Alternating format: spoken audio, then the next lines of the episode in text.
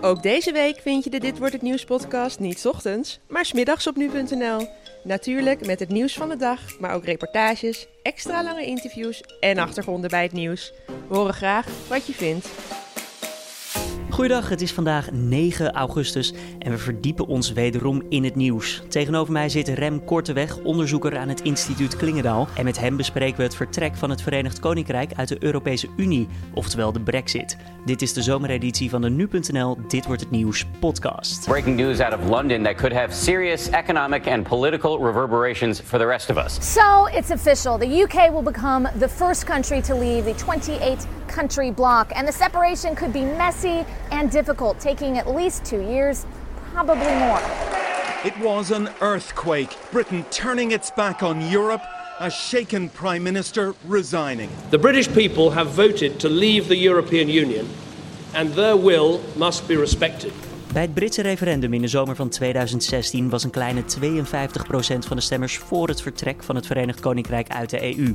De vraag op het stembiljet: moet het Verenigd Koninkrijk lid blijven van de Europese Unie of deze verlaten? leek op papier misschien makkelijk, maar twee jaar later is er nog veel onduidelijkheid over hoe de Brexit eruit zal zien.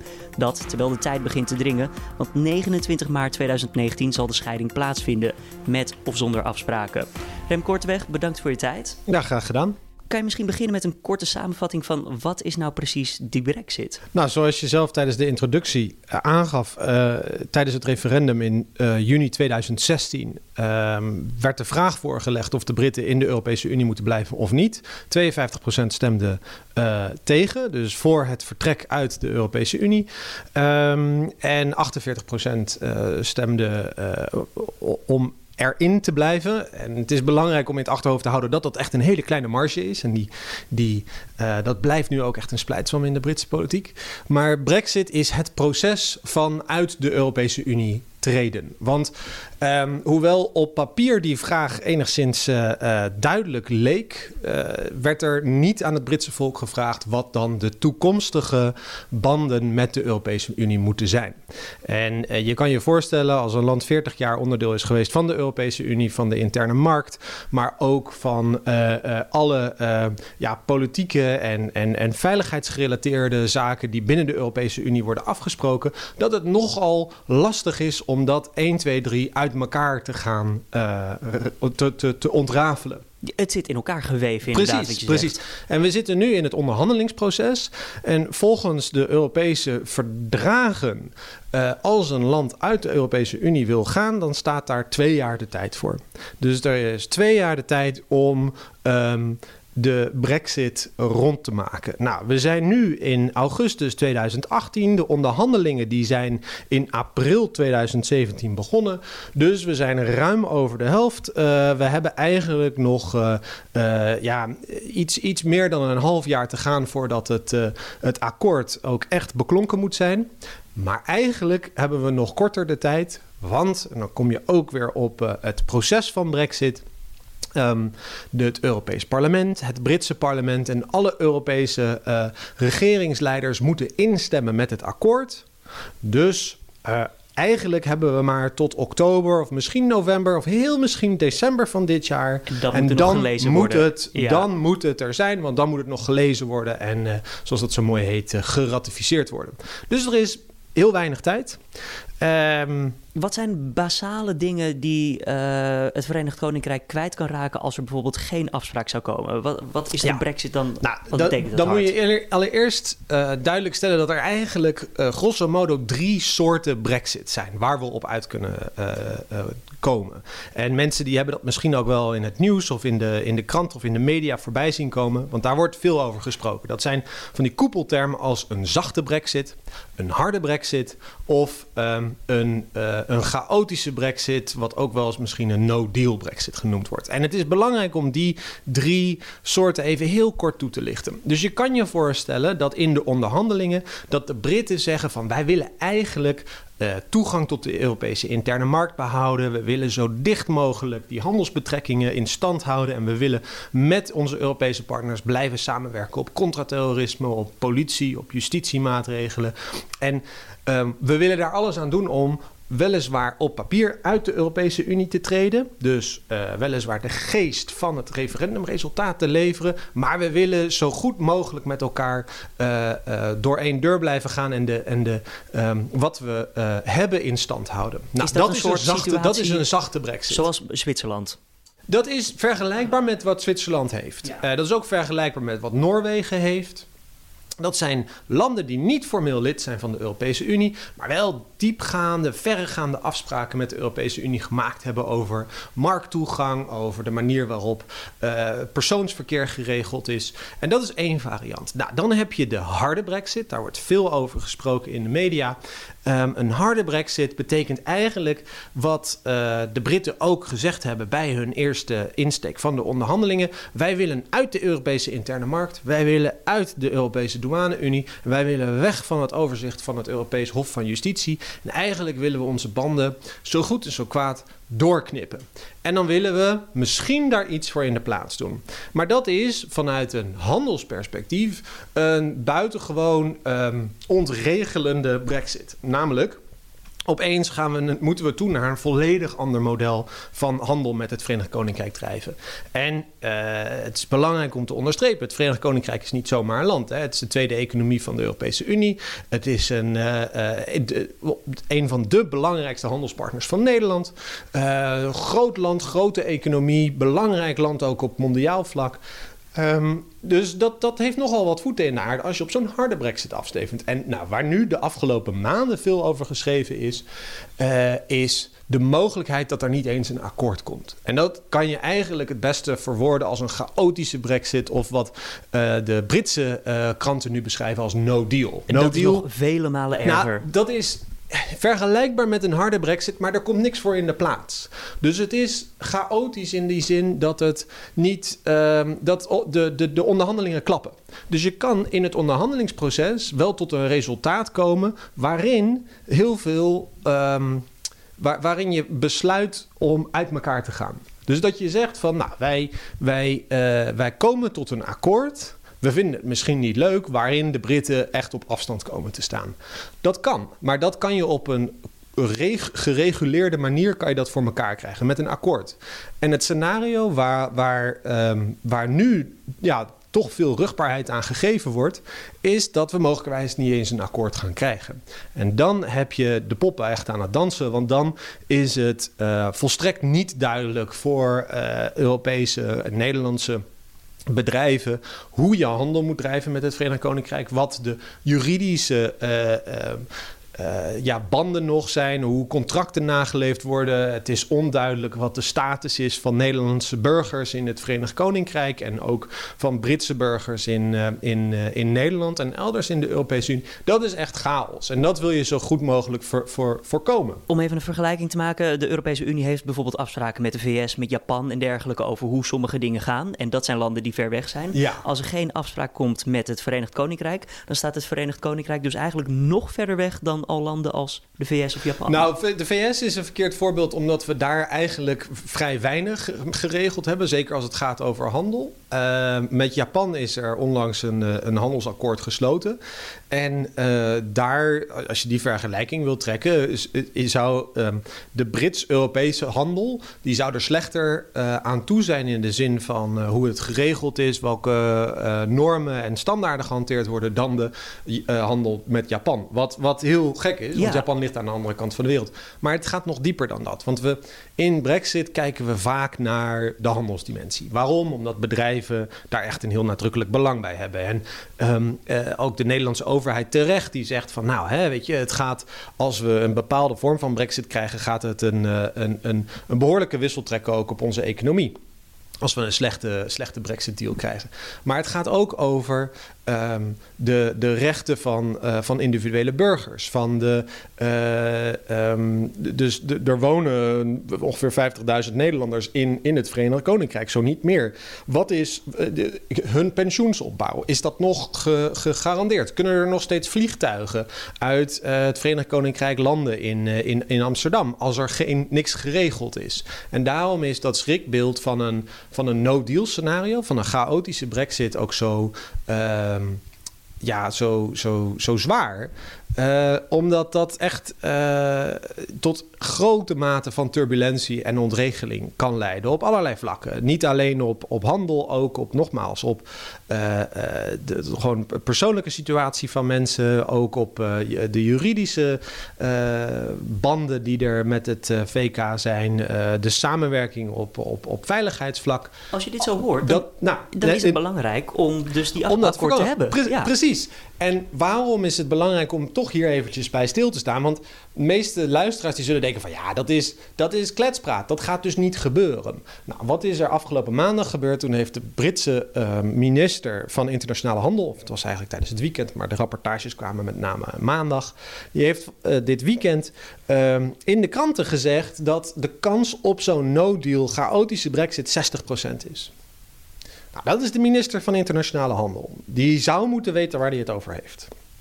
Um, daarnaast zie je dat aan de kant van de Europese Commissie er ook steeds meer signalen worden afgegeven van goh, uh, bedrijven, uh, overheden in Europa, bereid je voor op alle mogelijke scenario's, inclusief die no-deal scenario. Kan je je daarvoor voorbereiden? En, en, daar kan je je tot op een zekere hoogte in voorbereiden. En daar kunnen we het zo over hebben. Wat, wat, wat ik um, ja, heel bijzonder vind, is dat uh, we dus ruim een jaar al op weg zijn in de onderhandelingen.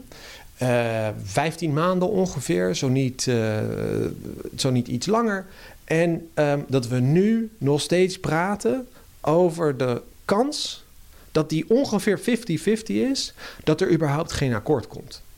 Dat betekent dat alles wat in de afgelopen anderhalf jaar gedaan is, dat dat, ja, dat, dat een beetje geneuzel in de marge was.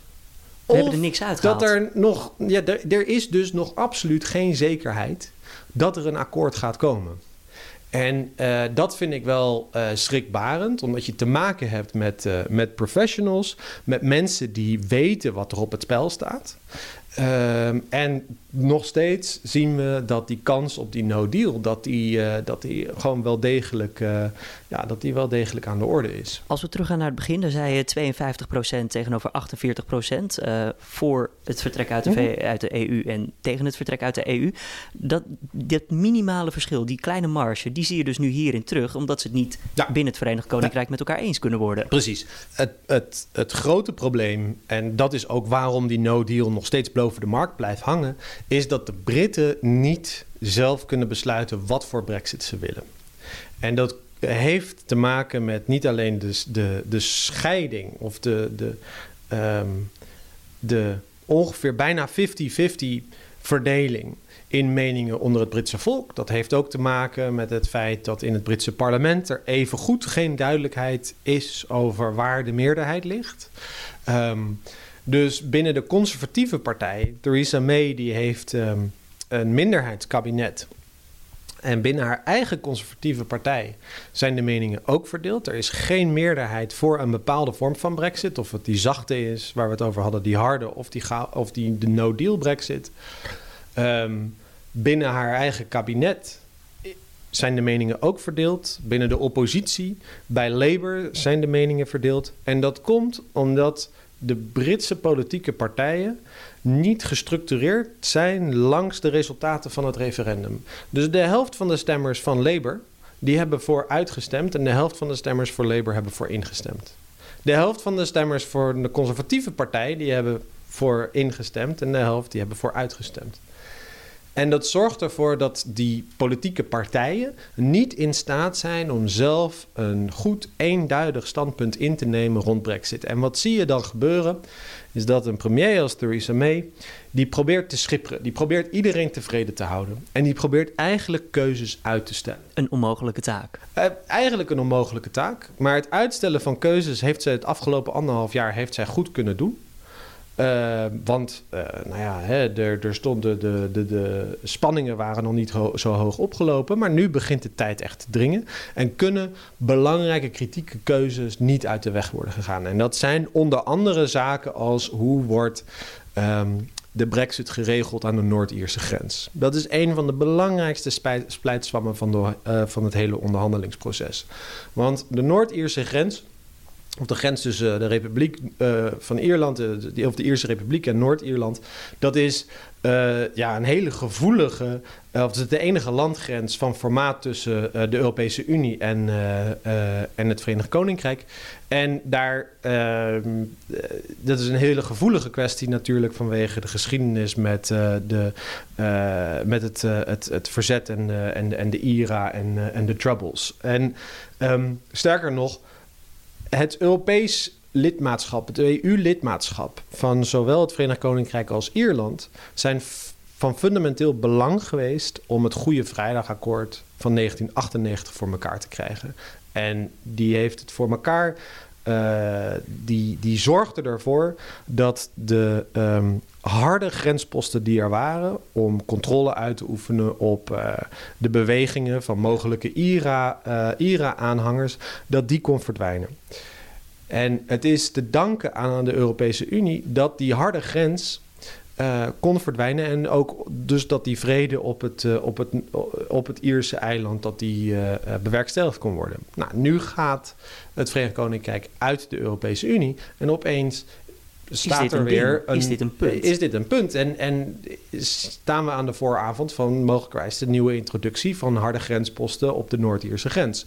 Wat niet alleen vanuit een handelsperspectief een probleem is, want de Noord-Ierse en de Ierse economie die zijn heel nauw met elkaar verweven.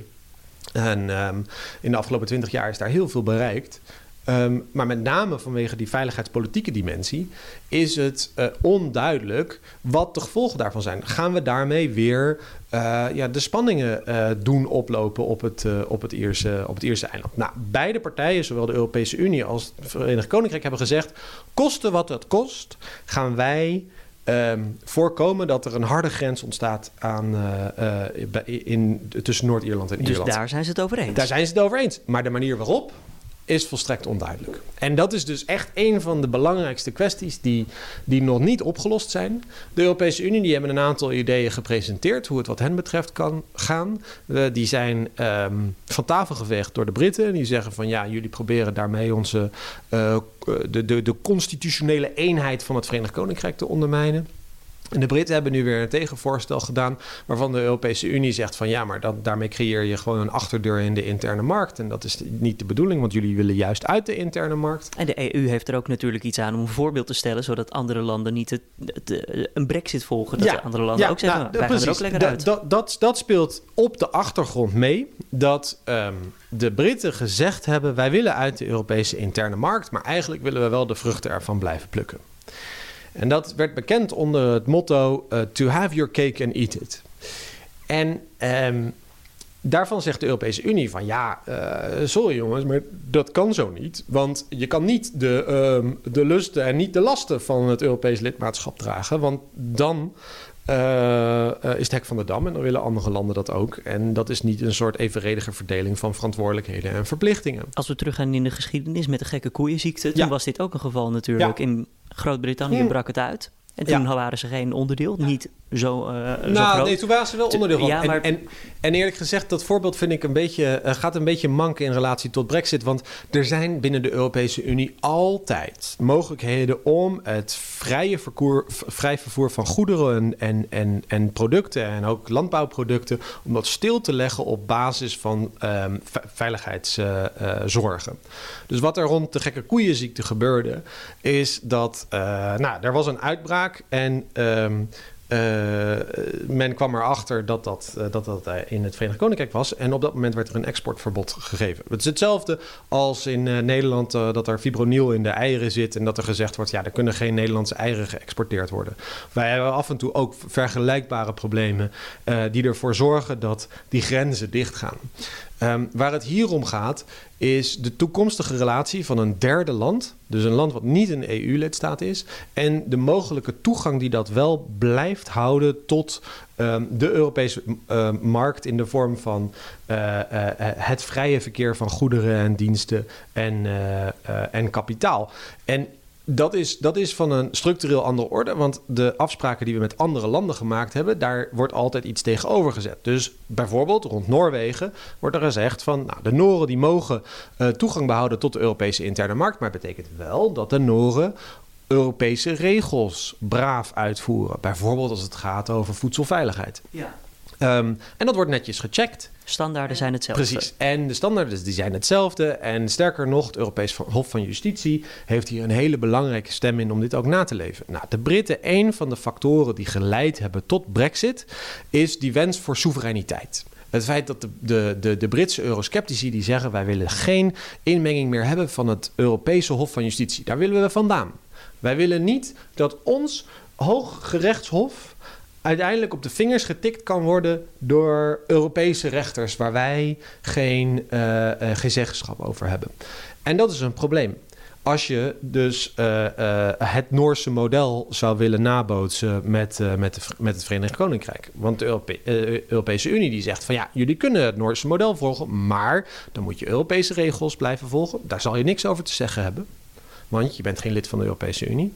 En je zal uh, uitspraken van het Europees Hof van Justitie moeten volgen. En dat is Net juist als de soevereiniteit die ze dan niet hebben. Precies, precies. En dat leidt ertoe dat dat af en toe zie je dat ook in de, in de Britse politiek weer uh, uh, tot een uitbarsting komen. Dat er gezegd wordt van ja, maar we, we, willen, juist, we willen juist weg van het Europees Hof van Justitie. En dat is precies ook de, de, de druk die op Theresa May nu gelegd wordt. Want Theresa May die probeert aan de ene kant. Um, te leveren wat zij denkt, wat de geest is van het referendumresultaat. En wat haar betreft is dat dus weg uit de interne markt, weg uit de douane-unie, weg uit uh, van het Hof van Justitie. En tegelijkertijd de economische kosten die daarmee gemoeid gaan te minimaliseren. En dat is telkens de balans die ze probeert te, uh, uh, te bereiken. En die bereikt ze maar ten dele. Ja.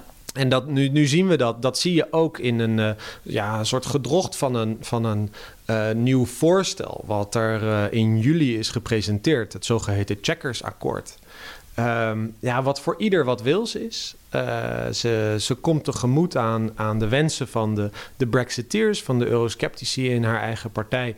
Door te zeggen dat het Verenigd Koninkrijk wel degelijk met haar nieuwe voorstel in staat zal zijn om zelf nieuwe handelsakkoorden te, te, te sluiten met andere landen in de wereld. En tegelijkertijd komt ze haar. haar wat meer gematigde conservatieve partijgenoten tegemoet door te zeggen: we gaan toch proberen om een, um, een soort douane-unie te uh, ontwikkelen met, met de Europese Unie, waarin er een vrij verkeer van goederen is. Ja, die twee zaken die zijn nauwelijks met elkaar te verenigen. En als gevolg van dat voorstel zag je ook dat uh, Boris Johnson en David Davis, de minister van Buitenlandse Zaken, de minister van Brexit, dat die aftraden. En die zeiden van dit is, uh, dit is een vluchtplan, ja. dit, is, dit is niet hoe we het willen, dit is niet de geest van Brexit. En tegelijkertijd dat er ook grote zorgen zijn aan de kant van de meer gematigde, um, wat meer pro-Europese uh, conservatieven die zeggen van ja, dit, dit, dit, dit, dit is nog erger dan, dan, dan in de Europese Unie blijven. Want hiermee geven we al onze zeggenschap op, uh, al onze zeggenschap weg over de nieuwe regels die we moeten gaan uh, aan, die we moeten gaan overnemen vanuit Brussel. En um, dus zij zit, zij, zij, zij is echt, zij zit in een hele lastige positie om dit voorstel in eerste instantie te verkopen binnen haar eigen partij. Ten tweede te verkopen bij het Britse parlement. En het Britse parlement moet, daarover, uh, moet daar afstemmen, moet daar goedkeuring op geven. En misschien belangrijker nog om dit verkocht te krijgen in Brussel. En dus er wachten nog steeds hele uh, spannende maanden in, uh, in tot en met Brussel. december, tot, al, ja, zeker tot en met december. Um, en eerlijk gezegd, Brexit is een proces. Dat is niet een moment. Uh, dus als we straks een uittredingsakkoord hebben en ik hoop dat we dat gaan krijgen. Maar nogmaals, het, is, het zijn Afwachten, niet mijn woorden ja. dat de minister van Internationale Handel zegt dat het 60% kans is dat we helemaal geen akkoord krijgen. Maar dan begint pas de echte onderhandeling over die toekomstige handelsrelatie. En dus we gaan nog een heel lang proces krijgen waarin alle puntjes op de i en alle details voor het licht gehouden worden van hoe bepaalde sectoren dan in de toekomst met uh, uh, uh, hoe, hoe die, hoe die handel geregeld gaat worden tussen de Europese Unie en het Hoe hard is dan die 29 maart 2019? Hard. Dan gaat het gewoon in. Als hij als um, en dat komt omdat Brexit heeft eigenlijk in, in ehm, de meest basale vorm heeft de twee grote ehm, uh, ja, pilaren. Eentje is het uittredingsakkoord. Dat is eigenlijk de scheidingsakte. De, de, zaken die daarin geregeld moeten worden zijn onder andere de eindafrekening, dus de, de openstaande financiële verplichtingen van het Verenigd Koninkrijk naar de Europese Unie. Zaken als de status van Europese burgers in het VK en Britse burgers in de Europese Unie. Krijgen zij nog toegang tot hun opgebouwde pensioen, op, uh, tot hun uh, gezondheidszorg, uitkeringen of wat heb je. Ehm, en de Ierse grens. Nou, eh, we hebben het er al over gehad dat die Ierse grens dat die, ja, een, een, een, een probleem zou kunnen opleveren. Maar dat is de eerste fase. De tweede fase is de toekomstige relatie. En onderdeel van die toekomstige relatie is natuurlijk heel belangrijk. Wat is het handels? uh, akkoord wat er uh, bereikt gaat worden tussen de Europese Unie en het Verenigd Koninkrijk. Maar de details die gaan niet voor 29 maart geregeld worden. Dat is allemaal, komt allemaal echt in grote lijn, eh, of in detail komt dat allemaal pas daarna. Maar ook zaken als uh, samenwerking op veiligheidsgebied, op uh, justitieel gebied, op politiesamenwerking, contraterrorisme. Daar, daar ga je, dus wat ze proberen te doen, de onderhandelaars, is zoveel mogelijk nu al vast te leggen in een politieke verklaring. Maar dat moet straks allemaal nog in, uh, in een soort verdragtekst gegoten gaan worden. Maar dat gaat allemaal pas na 29 maart gebeuren. De zaken die op 29 maart geregeld moeten worden, dat zijn echt die onderdelen van die, van die scheidingsprocedure. Um, en uh, uh, wat de Britten heel graag willen is dat daar ook, dus een, en de Europese Unie ook, dat daar een politieke verklaring aan vastgehangen wordt. Van oké, welk perspectief bieden we voor de toekomstige relatie? Nou, heel slim de onderhandelaars aan beide zijden die hebben gezegd: omdat we dat allemaal niet op 29 maart geregeld gaan krijgen, moeten we een zogeheten transitiefase hebben. Dus we moeten een um, periode inlassen waarin eigenlijk alles bij hetzelfde blijft, zodat we tijd hebben om al die zaken die ik net schets over die uh, handels, met name de, de toekomstige handelsrelatie, zodat we daar de tijd voor hebben om dat goed met elkaar uit te onderhandelen. Nou, dat zit ook gebakken in die scheidingsakte. Ja. En dat zou ertoe kunnen leiden dat als er straks een, een scheidingsakkoord ligt, dat we tot, uh, wat is het, december 2020 de tijd hebben om over die uh, toekomstige handelsrelatie echt goed, uh, goed na te denken en, en, en akkoorden op te sluiten. Maar, dan kom ik weer terug bij de no-deal Brexit. Ja. Als er een no-deal Brexit is, en ik herhaal het nog maar een keer. Het is de minister van Internationale Handel die zegt dat er een 60% kans is. Zonder een akkoord. Geen um, eindafrekening van de Britten. Geen duidelijkheid over de status van Europese burgers. Geen oplossing voor, het Noord-Ierse, voor de Noord-Ierse grens. Maar ook geen transitie. Dus geen transitieperiode. En dan is 29 maart is gewoon een harde deadline. En dan, zoals ze zeggen, dan kukelen ze over de, over de klif. En dan uh, is, het, uh, is het volstrekt onduidelijk waar we op afstevenen in de relatie met, uh, met de Britten. Dan kom ik terug op een eerdere vraag. Hoe kunnen, ik zoom ook eventjes in op Nederland voor het einde hmm. van deze podcast dan. Hoe kunnen Nederlandse bedrijven zich voorbereiden ja. op zo'n chaotische brexit dan? Dat, dat is heel lastig, omdat um, je goed moet weten hoe jij als bedrijf uh, blootgesteld bent aan handel met het Verenigd Koninkrijk. Dus voor een land wat veel exporteert naar de Britten, uh, naar het Verenigd Koninkrijk, is dat evident.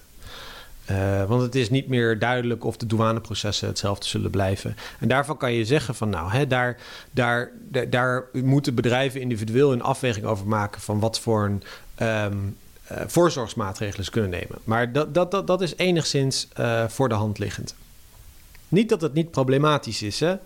Dus als je nieuwe douaneprocessen ingaat die leiden tot een vertraging van zeg nou, tussen de 24 of 48 uur uh, bij de haven Rotterdam of in de haven van Dover of, uh, of Newcastle, dan kan dat enorme gevolgen hebben voor je bedrijfsmodel. Met uh, sommige dingen, ja.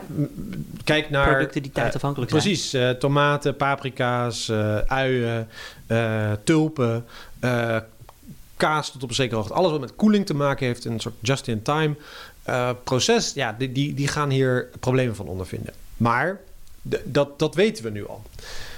Uh, dus daar kan je als bedrijf kan je daar proberen om daar uh, op te anticiperen.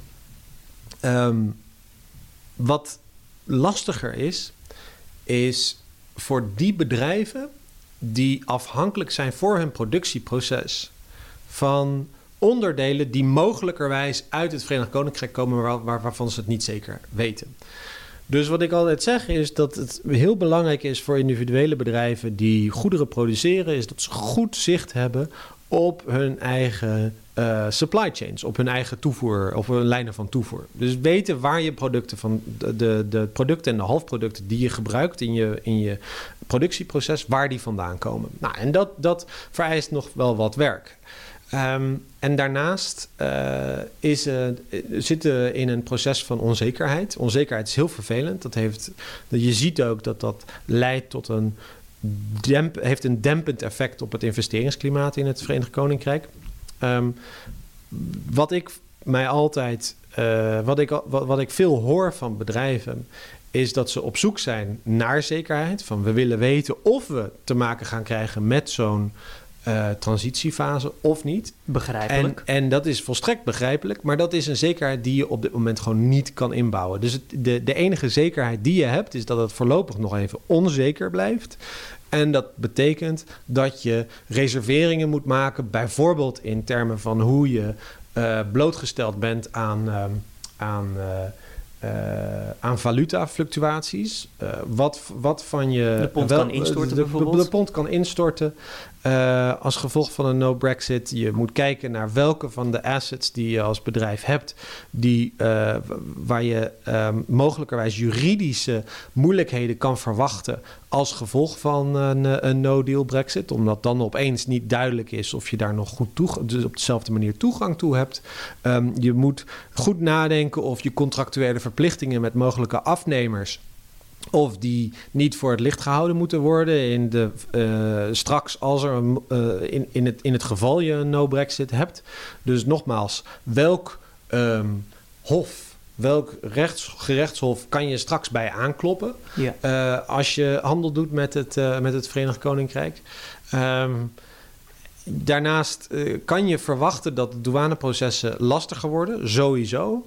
Uh, dus daar kan je in zekere zin op, op anticiperen. Er zijn btw-vragen waar, uh, waar nog onduidelijkheid over is. Dus de, het, het, beste wat je kan doen is, is toch de vinger aan de pols houden en blijven kijken naar um, ja, welke kant een beetje de wind opwaait. Meer is er ook en niet. Meer, meer is er niet. En uiteindelijk, en dat is de grote um, ja, teleurstelling eigenlijk van, van Brexit is dat het, um, het is zo gepolitiseerd dat de economisch rationele uitkomst van Brexit niet de meest logische of voor de hand liggende is.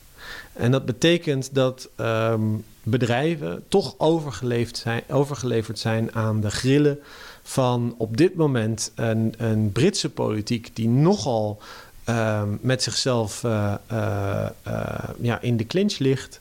En tegelijkertijd een onderhandelingsproces met, uh, met, met Brussel, waar, waar zij maar weinig invloed op uit kunnen oefenen. Um, dus het blijft nog wel een tijdje onzeker.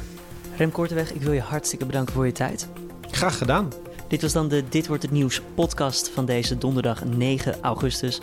Wat vind je van de podcast? Laat het even weten via redactie.nu.nl of laat een reactie achter in je eigen favoriete podcast app. Dankjewel Rem Korteweg, onderzoeker aan het instituut Klingendaal. Mijn naam is Julian Doem en voor nu tot morgen.